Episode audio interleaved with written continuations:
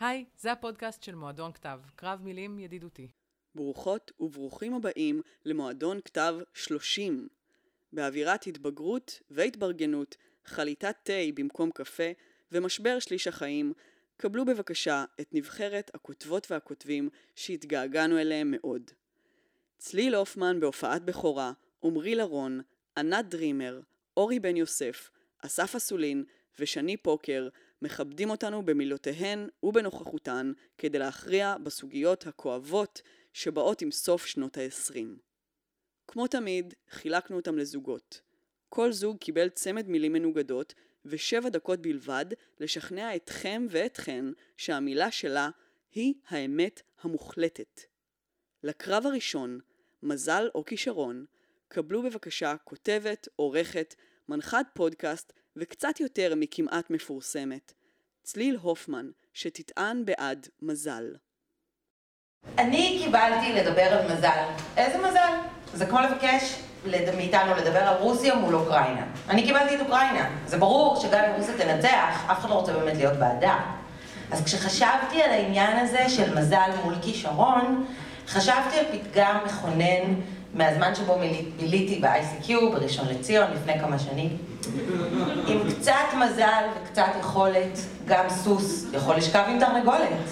אבל איך מכריעים? הפתגם אומר, קצת מזה וקצת מזה יביא לתוצאה הרצויה, אם זה הקטע שלכם כמובן, לשופטת. אבל אני אטען הערב ההפך. אני אטען שבלי מזל, כישרון לא שווה יותר מדי. ובלי כישרון, מזל הוא עדיין עולם ומלואו. כוכב שביט שגם האנשים העשירים, המצליחים והיפים ביותר היו רוצים שיתרסק עליהם. כי אין דבר כזה יותר מדי מזל. ואם אתם חושבים שיש, כנראה שאתם לא בצד הנכון שלו. אז הנה סיטואציה שהרבה אנשים בקהל פה יכולים להזדהות איתה. חבר, או אולי מכר, או סתם קולגה, אומר לכם ברגע של ייאוש שאין לו כישרון. אתם ביניכם לבין עצמכם יודעים שנפלתם על חתיכת תיק עכשיו. מה עונים לזה? מי יודע?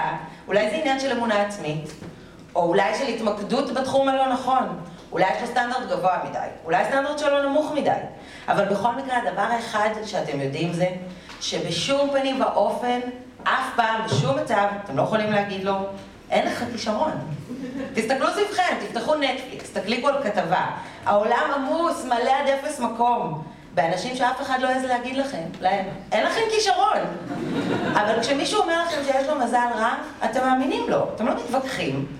אתם יודעים שנכנסתם עכשיו לשיחה אחרת לגמרי. כי אתם יודעים, בדיוק כמו שהוא יודע, שמזל זה עניין שרירותי לחלוטין. למזל אין פייבוריטים, לא באמת. מזל זה דבר שמגיע משום מקום. וכישרון, כישרון זה עניין פריבילגי. לאף אחד לא מגיע שיהיה לו כישרון. שילך לעבוד, שילך ללמוד, שילך להתקרבן, מה אכפת לי? כישרון זה דבר שבן אדם מאחל אך ורק לעצמו. מקסימום לילד או לילדה שלו. זה אלמנט אנוכי לחלוטין בקיום די אנוכי בכל מקרה. החוג לקולנוע מלא באנשים שמקווים שכל בוקר שמישהו בעולם הזה יעניק לחבריהם לכיתה כישרון מופלא לכתיבת תסריט. או לביים סרט. אמר, אף אחד אף פעם ever. כישרון זה מטוש שאנחנו דוחפים לנשמה שלנו, ואיתו יוצאים כל הדברים המגעילים. הקינה, התחרות, הספק העצמי, הקטנה, ההדרה. גם ההדרה היא סימפטום של אותה מחלה. להופעה שנה שלישית, למען השם. אבל כישרון, כשיש אותו, אני אפילו לא מדברת על מצב הביש שאין אותו, הוא כליאה מנטלית במחנה עבודה בסיבי. כישרון זה חומר גלם, צריך לעבוד איתו, לפרק אותו, להבין אותו, לחצוב בו כמו בפסל עד שמשהו יצא ממנו, משהו בעל ערך. וכישרון, כחומר שהוא, מגיב לסביבה, הוא מתעצב דרכה, הוא מדבר איתה. ולפני כמה ימים שאלתי את עצמי, באיזה תיכון למדה ג'יג'י חמדית? אתם יודעים, as one does. אבל משם הדרך לבדיקת התיכונים הכי עמוסי מפורסמים ב-LA הייתה מאוד מאוד קצרה. ידעתם נגיד שקמרון דיאז למדה באותה שכבה עם סנופדוג? שנורה אפרון, בטי ווייט, לוי קרביץ וניקולס קייג' למדו באותו בית ספר? או שביבי למד בתיכון שבו למדו גם דוד גרוסמן, גם דוד טרטקובר ואליו דוד, אז גיל שוויד? לא ידעתם, כי ככל הנראה יש לכם חיים של עצמכם, אבל אין סיכוי שזה יפתיע אתכם. כי כשאנשים ממעמד מסוים מתרכזים במקום מסוים, כמעט אפשר להאמין לסיפור שלהם, שהם כל כך יוצאי דופן, שהם ולא אחרים נבחרו ללמוד במקום הקסום הזה.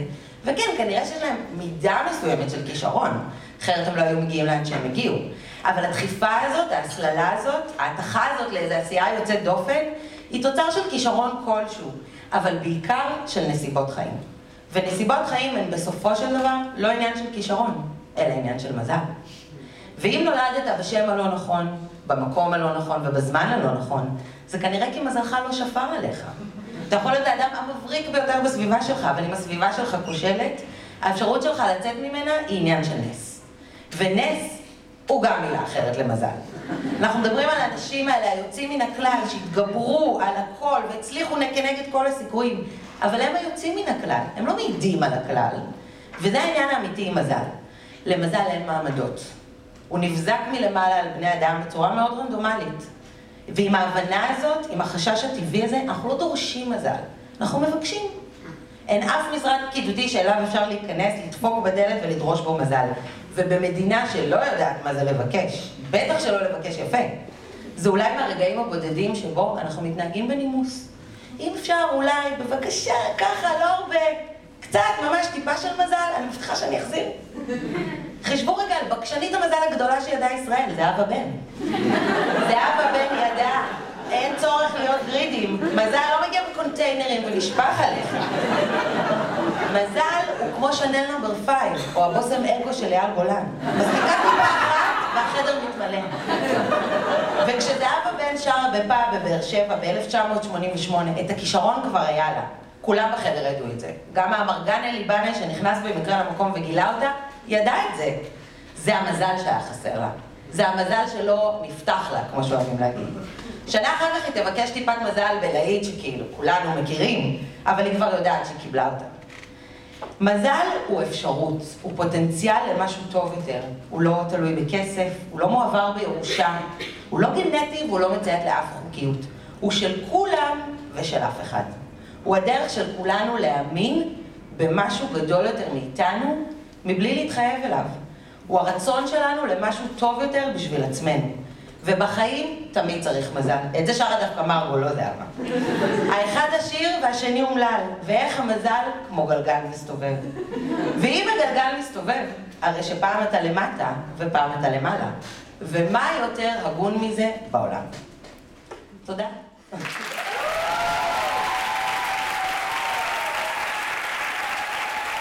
מול צליל יעלה תסריטאי ובמאי שהיה איתנו בערב שהתחיל את הקורונה.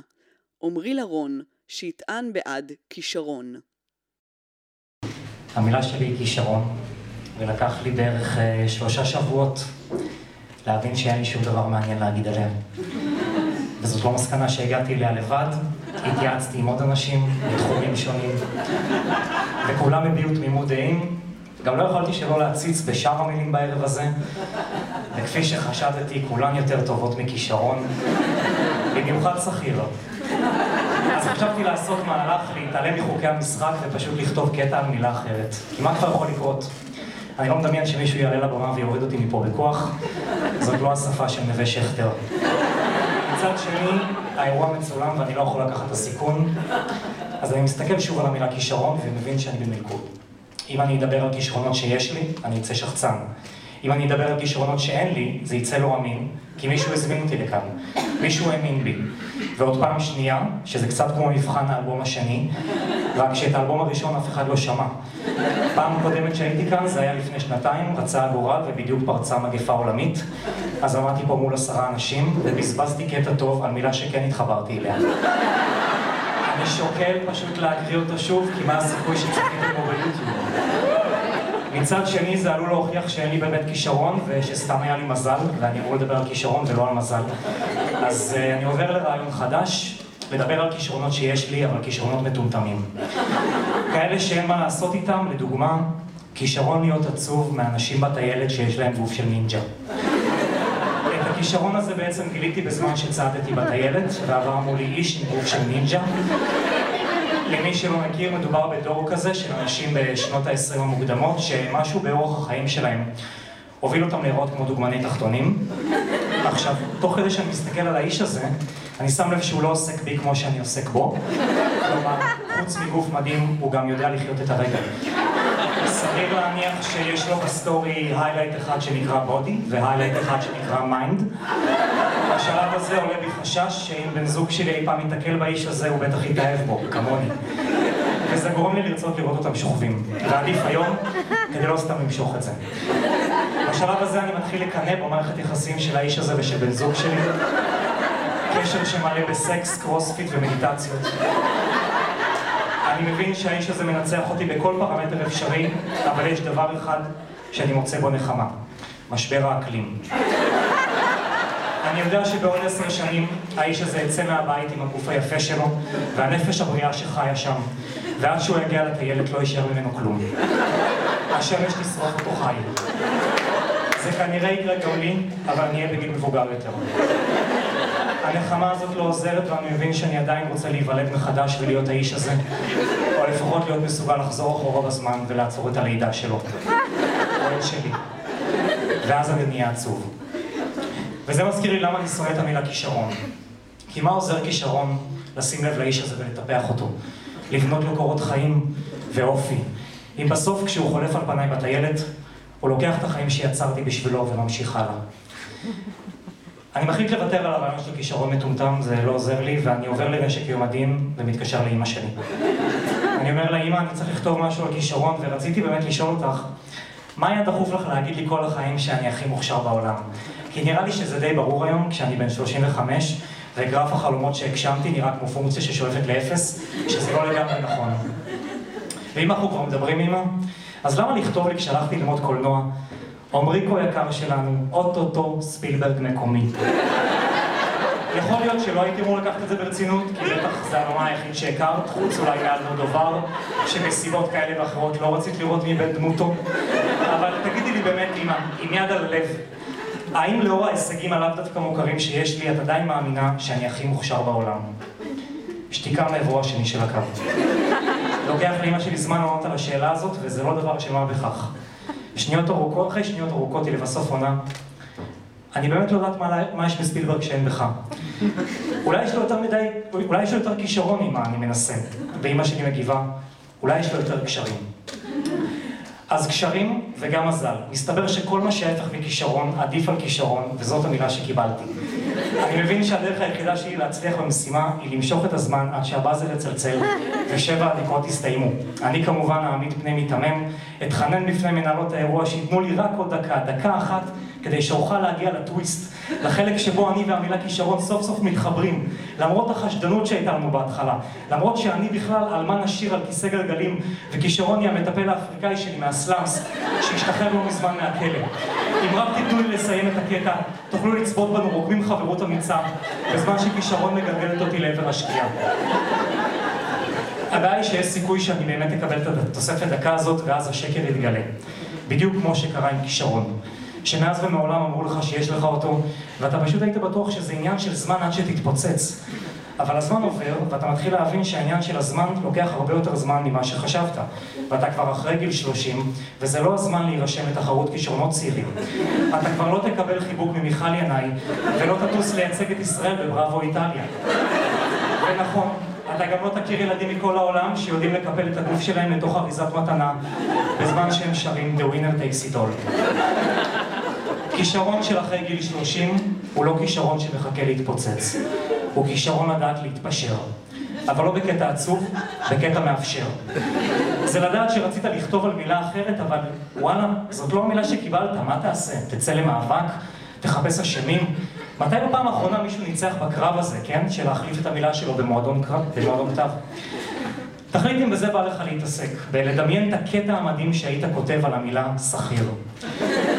ולדמיין את שאגות הקהל, הצחוקים המטורפים על סף חנק, ההלם הראשוני על כך שתמו שבע הדקות, קריאות השבר והזעם, האבל הקולקטיבי, הדרישה להדרן. המבט המבולבל על פניהם של מנהלות האירוע, הם מעולם לא ראו דבר כזה. ואז הבוקר שאחרי, היעדר האפשרות ללכת ברחוב מבלי שאנשים צועקים לך, נגעת בי. אני גם שכירה והרגשתי שדיברת מהלב שלי. וזה נכון שתמיד זלזלת בו, בעודד בן עמי. אבל עכשיו כשהוא מתקשר לברך, אתה לא יכול להגיד לא. בטח לא כשהוא מעלה בהפתעה מתחנת השידור בכפר סבא את אימא שלך שאומרת ידעתי כל הזמן. ויש עוד אופציה, לקבל את העובדה שזה לא יקרה, לא הפעם לפחות.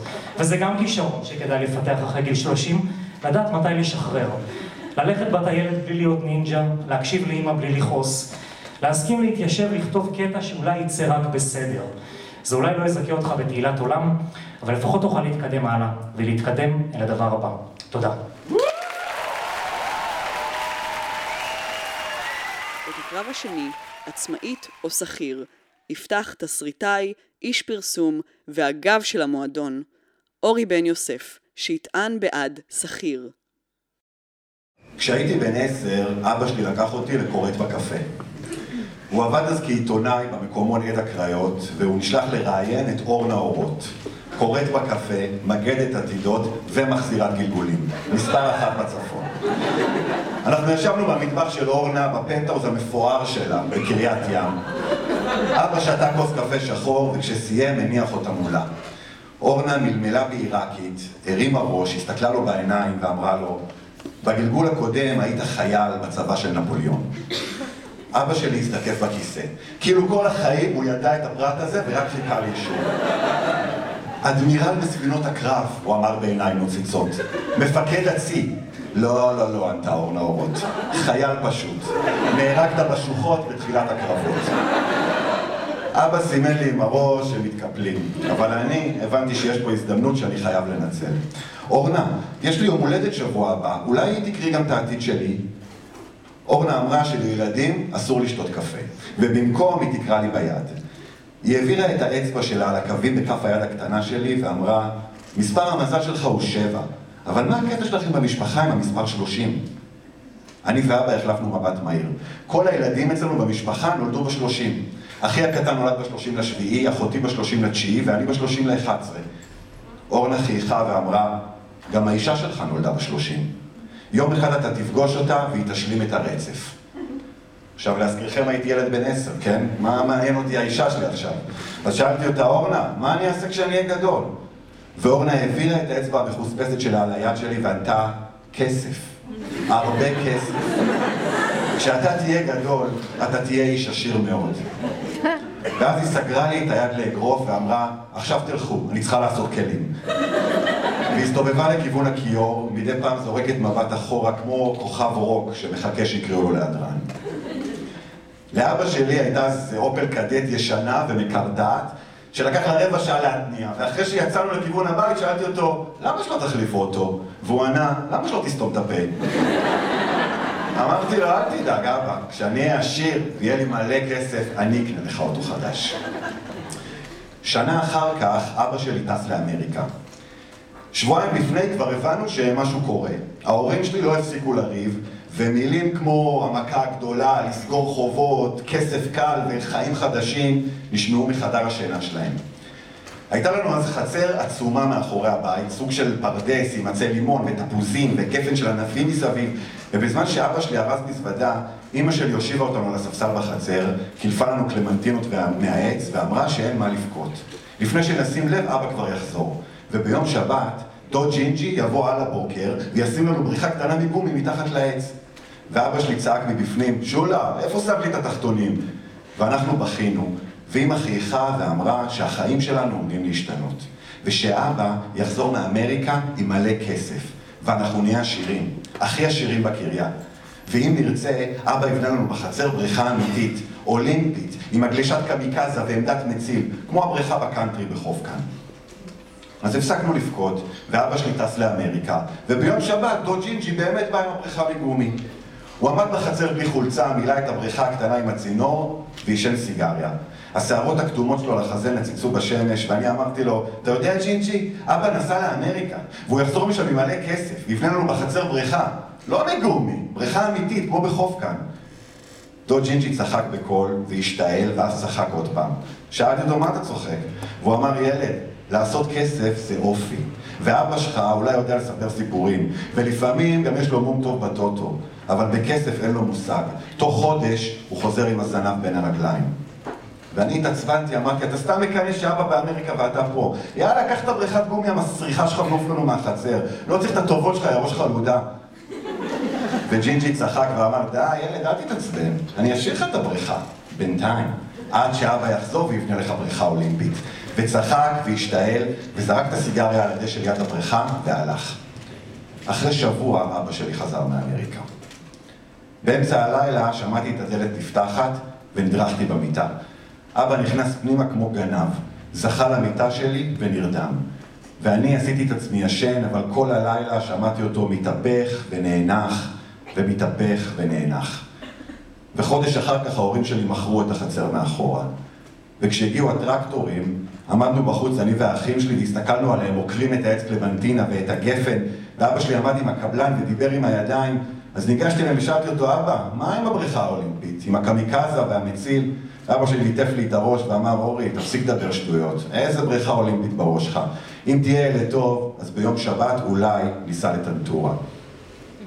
אחר כך גדלתי ועבדתי שנים בתור שכיר, רק שכיר. ותמיד כשבאה הזדמנות לגדול, להתפתח, להשתנות, נזכרתי במשפט של אבא שלי אחרי שהוא חזר תוך שבוע מאמריקה. אם אני לא אוותר לעצמי, מי יוותר לי?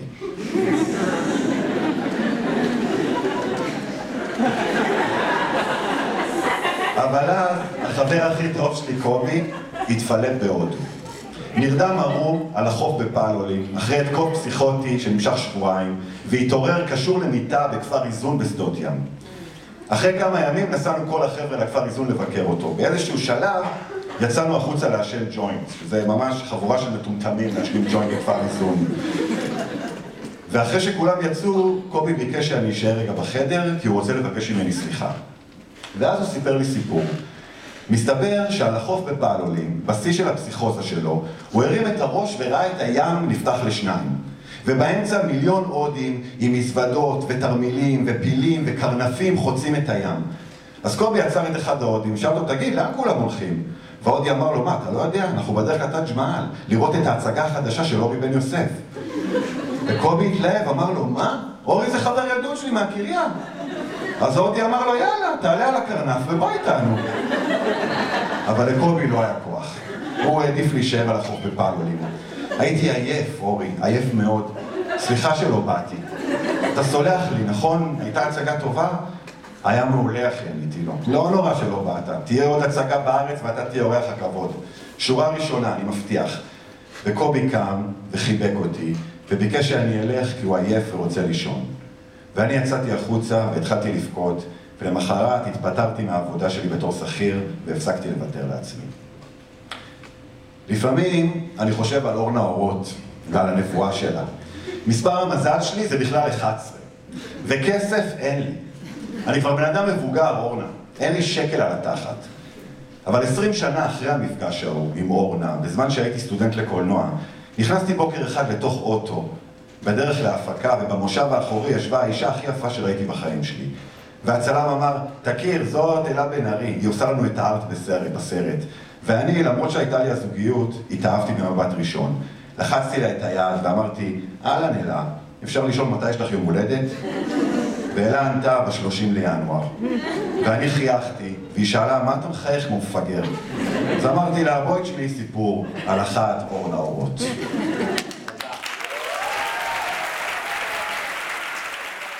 ומנגד, יוצרת לבמה, כותבת ועכשיו גם מוזיקאית, ענת דרימר, שתטען בעד עצמאית. ביום חמישי האחרון נסעתי לבית חולים להיות עם אבא שלי בדיאליזה. ליד אבא שלי התיישב אדם, כנראה נושק ל-80, והתחבר גם הוא למכונה שתנקה לו את הדם, כי הכליות שלו החליטו באופן עצמאי להפסיק לעבוד. ואז הוא קרא לאח וביקש ממנו את השלט לטלוויזיה, והסביר שאין לו את כל הדברים שלו הפעם, כי אשתו לא באה איתו. והאח שאל, למה? והשכן אמר, לא שמעת? היא מתה ביום שלישי. היא קמה לחמם לי אוכל והחליקה בדרך למטבח. וזה שבר לי את הלב. לא חשבתי, אם הוא היה קצת יותר עצמאי, אולי היא לא הייתה מחליקה ומתה. רק אמרתי לעצמי כמה עצוב שהוא נשאר לבד. אפשר להגיד שאני עצמאית מאז שאני דג מלוח קטן, שיצא לעולם ואחרי שבעה חודשים אימא שלו מתה. אולי זה מבלבל, כי דגים מלוכים הם כבר מתים, אבל התחשק לי לדמיין את עצמי דג בלוח. חבר שלי אמר לי להוסיף שזה לא כוחות לשחק דג מלוח עם אימא מתה, היא תמיד מנצחת כי לא זזה אף פעם. בנים.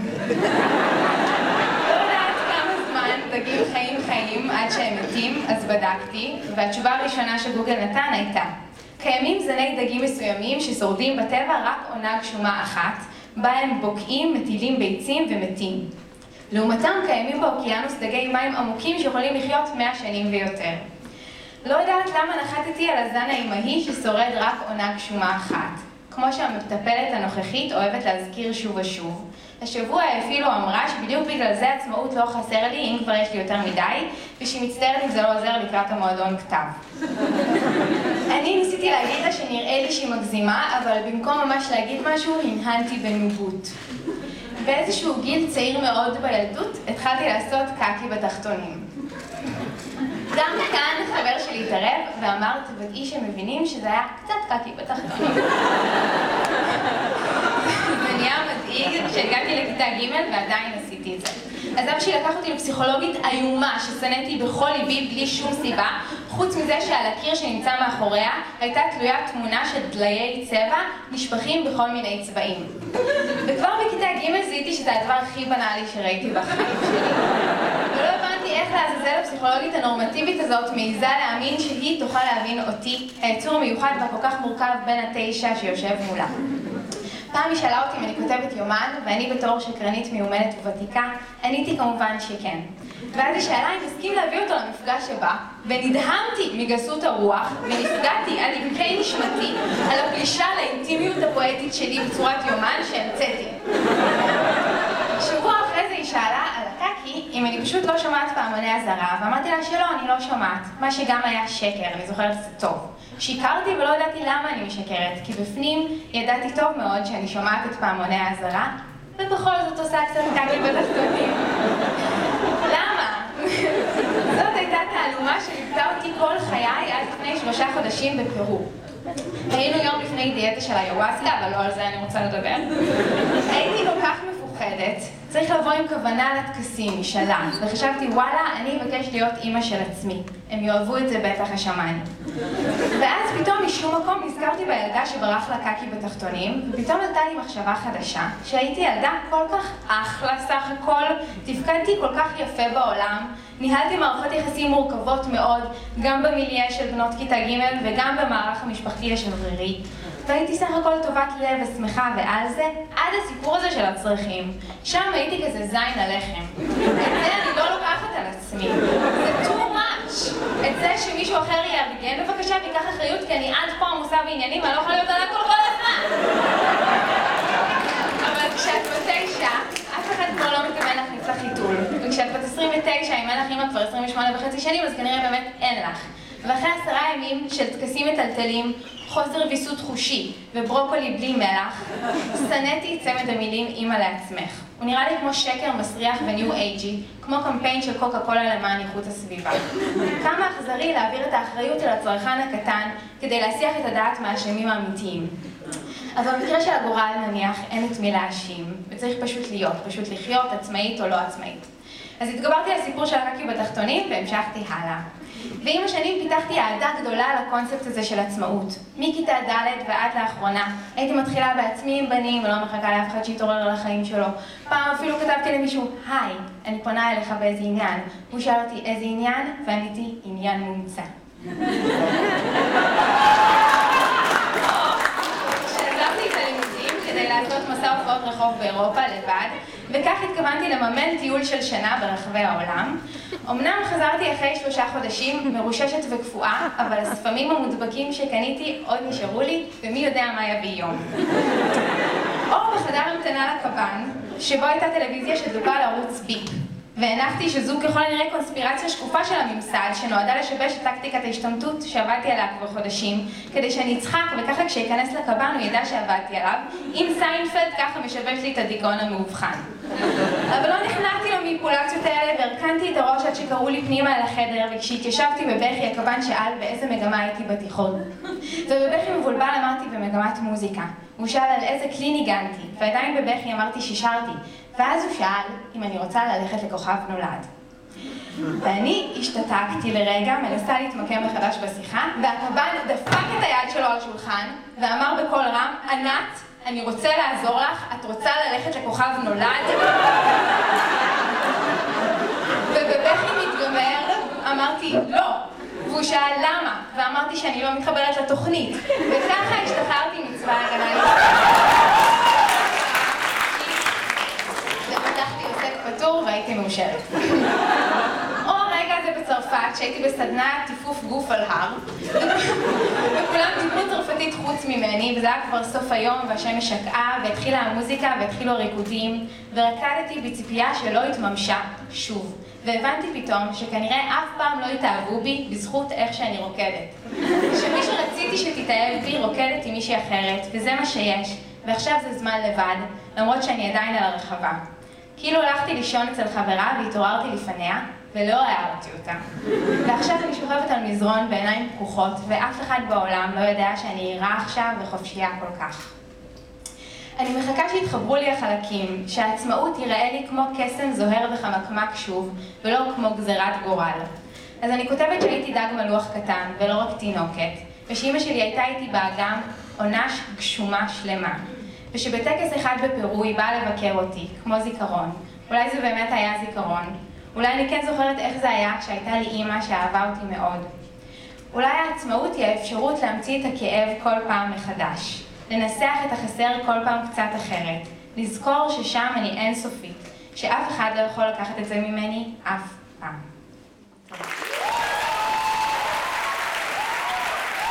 בקרב השלישי והאחרון, רעב או שובע, נשמע תחילה תסריטאי, במאי ומלך הזיתים, אסף אסולין, שיטען בעד רעב. אה, אני נגעל מאוכל, אבל אני מאוד אוהב אותו. העניין עם ההתגעלות הוא הרבה יותר מסתורי ועמוק, והתחיל מאז שאני זוכר את עצמי. חלק מרכזי ממנו קשור לסיפור של האוכל. למשל, את הסיפור של מיץ תפוזים הבנתי. כתפו תפוז מעץ תפוזים, סחטו אותו, ועכשיו זה ייכנס לגוף שלי, ואני אהיה התפוז, והמסע שהתפוז עבר בדרך להיות אני. אחלה. אהבתי ועודני אוהב מיץ תפוזים בזכות הסיפור הזה.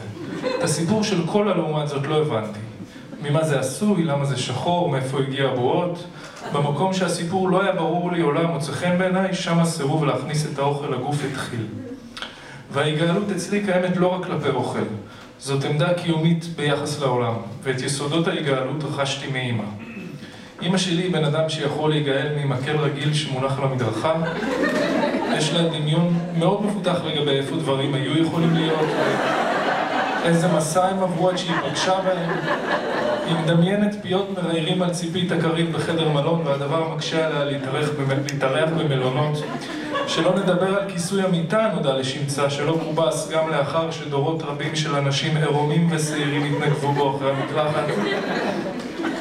וגם האוכל אמא שלי נגאלת, אבל לא כמוני. פה קם המלפפון, היכה את המורה ויצר לה בעיות קשות עם בנה הבכור. כי מצד אחד לא הייתי אוכל אצל אנשים זרים בבית כי הייתי נגעל מהכלים שיש להם, מהמקרר, מהבית עצמו, מהאוכל שהם קנו, מהאופן שבו הם הכינו אותו וכיוצא בזה.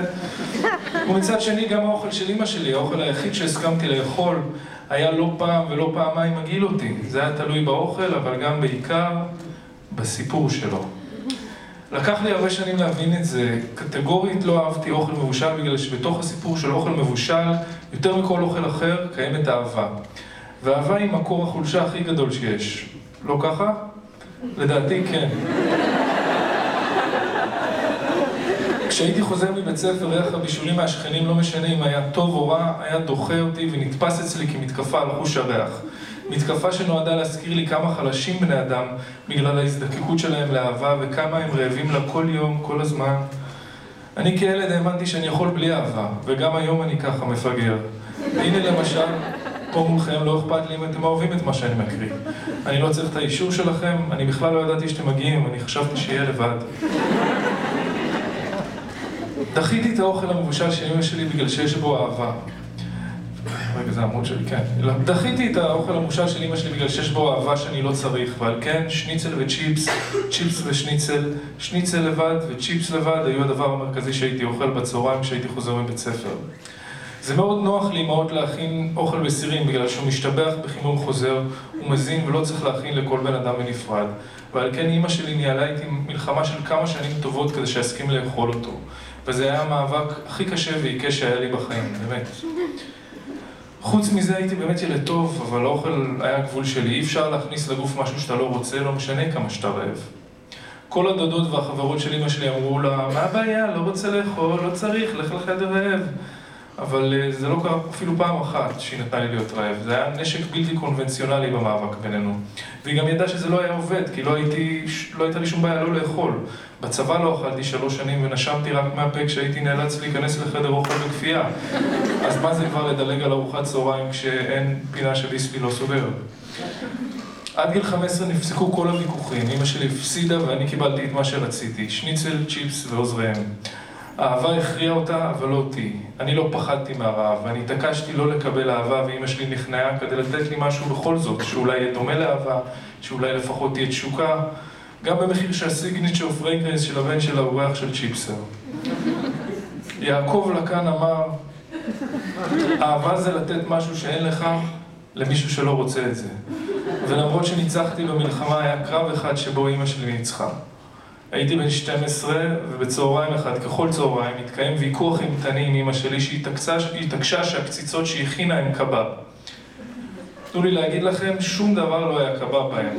הם קציצות רגילות שבושלו באהבה, ואז הוכנסו לתנור כדי לטשטש את תקוות האהבה, ואז בלחמניה עם רוטב ברביקיו כדי לגמור עליהם סופית. אבל גם כל זה לא מנע מגשש אוכל שכמותי לזהות שמדובר בקציצות שהסיפור הבסיסי שלהן הוא אהבה. ההתנגדות בערה בי והחלטתי באותה אה, הפעם לנקוט בגישת הפאסיב אגרסיב ולכוון למרכז הכובד הרגשי של אימא שלי. אמרתי לה, אני אוכל את הקציצות, אבל אני אסבול מזה מאוד. היא לקחה את הדיל, ישבתי חמוד ספני במטבח, נעלב עד עמקי נשמתי, לא הוצאתי מילה. התחלתי לאכול בנחישות וסיימתי הכל די מהר. אמא שלי הביטה בי ובעצמה כמעט תבהלה. ידעה שאסור לה לחגוג את הניצחון הזה כשאצלי עומדות דמעות בעיניים. קמתי בהפגנתיות והלכתי לחדרי. מה אני אעשה? היה לי טעים הקבב. והיום אומרים לי חכמים רבים, בגלל זה אתה רווק, תמיד תעדיף להישאר רעב מאשר לקבל אהבה. כי ברגע שתסכים שמישהי אחרת תאכיל אותך ויהיה לך טעים ויהיה לך טוב, תשאל את עצמך, איך לעזאזל אני יוצא מזה עכשיו שוב? ולא פעם קורה שאני יושב בבית שלי לבד ואומר פתאום בקול רב, רם, אני רעב. ואף אחד לא שומע, וזה בסדר גמור, כי סתם אמרתי, אני לא באמת רעב אף פעם.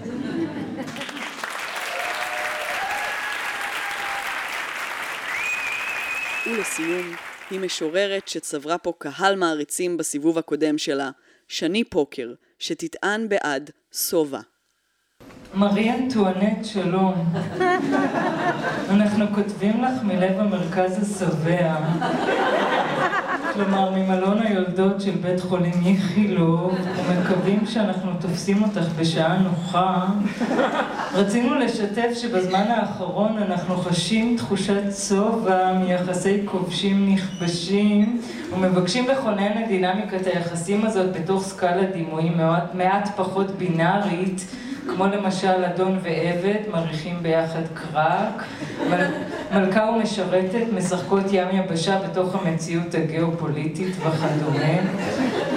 אנחנו יודעים שהזיכרון שלך ממהפכות הוא לא בהכרח כל כך חיובי, אך ההחלטה לכונן את המהפכה הזו נבעה מתחושת מיעוט עולה וגוברת שפושה בחלקים בלתי מבוטלים מאיתנו, שכן אם מתאים את האוזן היטב אי אפשר שלא לחוש בקולות החנותים, המודרים, המפעפעים תדיר תחת פני השטח, המשווים לשינוי היסטורי מרענן ומחדש זה ממש כמו אוויר לנשימה. לכן, בשנים האחרונות, אנחנו בתנועה לשחרור המרכז השבע, מבקשים לנכס את המונח שבע כמונח מעצים ולא כמונח משפיל. הזהות השבעה, שמאז בערך ימי המהפכה ההיא זוכה לגינוי, רמיסה והשפלה חסרות תקדים, מבקשת כעת לוותר על הבושה. מי כמוך יודעת, מרי, שמהפכות נוטלות גם מחירים אישיים. אך אנחנו, שסחבנו על גבינו במעלה ההר את ארבעת האותיות הנוספות שהצטרפו לראשי התיבות של קהילת הלהט בפאק, כשחלקנו שילמנו בגופנו את מחיר הנסיעה, אנחנו, שכבר התקדמנו בזיעה קשה מילימטר או שניים מייצוג הערבי במאהב של א' ב' יהושע, אנחנו שכבר חשנו תיאור וסלידה והסתובבנו עם כזאת בטן מלאה על הקאנון, הקאנון ונקודות העיוורון שלו, ערוכים ומוכנים לשלם גם מחירים אישיים. תראי, מרי, נאמר ביושר, כשאנחנו רואים יצירת אמנות אנחנו עלולים לומר שמדובר ביצירה מונומנטלית. וכשאנחנו רוצים לקלל מישהו אנחנו עלולים לכנות אותו אנכרוניסט.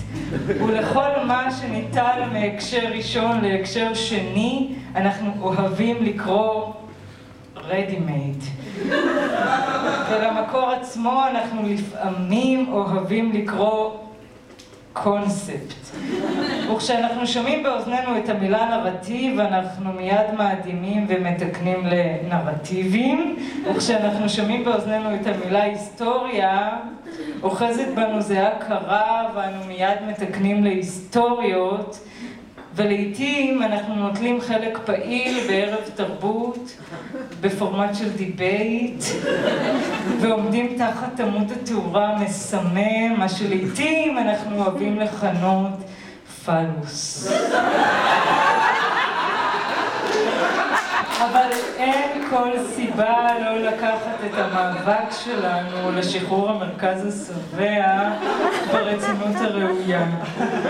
שכן לא הגענו עד הלום בדרך רצופה זהב ודבש. מהמורות מסוגים שונים ערבו לנו בחצאי הדרך. ולמשל, כשנפלנו לפתע מוכי חרדה, כשהבנו שהלא מודע יכול להיות למעשה הכל, כי הוא לא מודע, או כשהתקיימו שלוש הפגנות שונות באותו היום, וכמעט טבענו במים העמוקים, עד שכמעט נוכח, עד שפתאום נוכחנו על בשרנו שאין דבר כזה מאבק אחד, רק איחוד מאבקים, או פעם אחת, כשפתאום נבהלנו מן הקור המצמית, כשגילינו שמאוחר מדי לשוב חזרה אל מקום שבו האנושי הוא לא רק ייצוג, אלא דם, פועם, פוגש, עתיר, חידתי, לא מובן, ואז חנוקים מהמשולש האדיפלי, שיבנו בלילות, בחשאי, לעוד צורות גיאומטריות של תודעה, וכל זה, מרי, בשביל מה? בשביל ששוב נפתור את העננה השחורה הרובצת על הנפש על ידי משוואה בינארית של מרכז שבע ושוליים רעבים? לא, לא, לא, לא, לא. הדברים משתנים במהירות, והמהירות מחייבת אותנו לתנועה מתמדת, לתנועה מתמדת, ובכל זאת אנו יודעים ששינויים טקטוניים מסוג זה דורשים זמן וסבלנות. אולם תחושת השובע שממלאת חלקים נרחבים בגופנו מאפשרת לנו את מידת הפניות הדרושה כדי לערוך התבוננות נוקבת בדברים השוליים ביותר שמתרחשים במחוזותינו.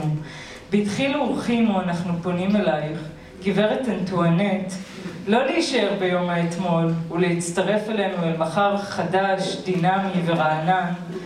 אנחנו מקווים שתגלי עניין להצטרף למאבק שלנו. ומודים מראש לכל סכום שיוכל לבוא מידיך נדיבה. בתודה, ההגמוניה המסתתרת תמיד, ולמעשה הגלויה תמיד. תודה.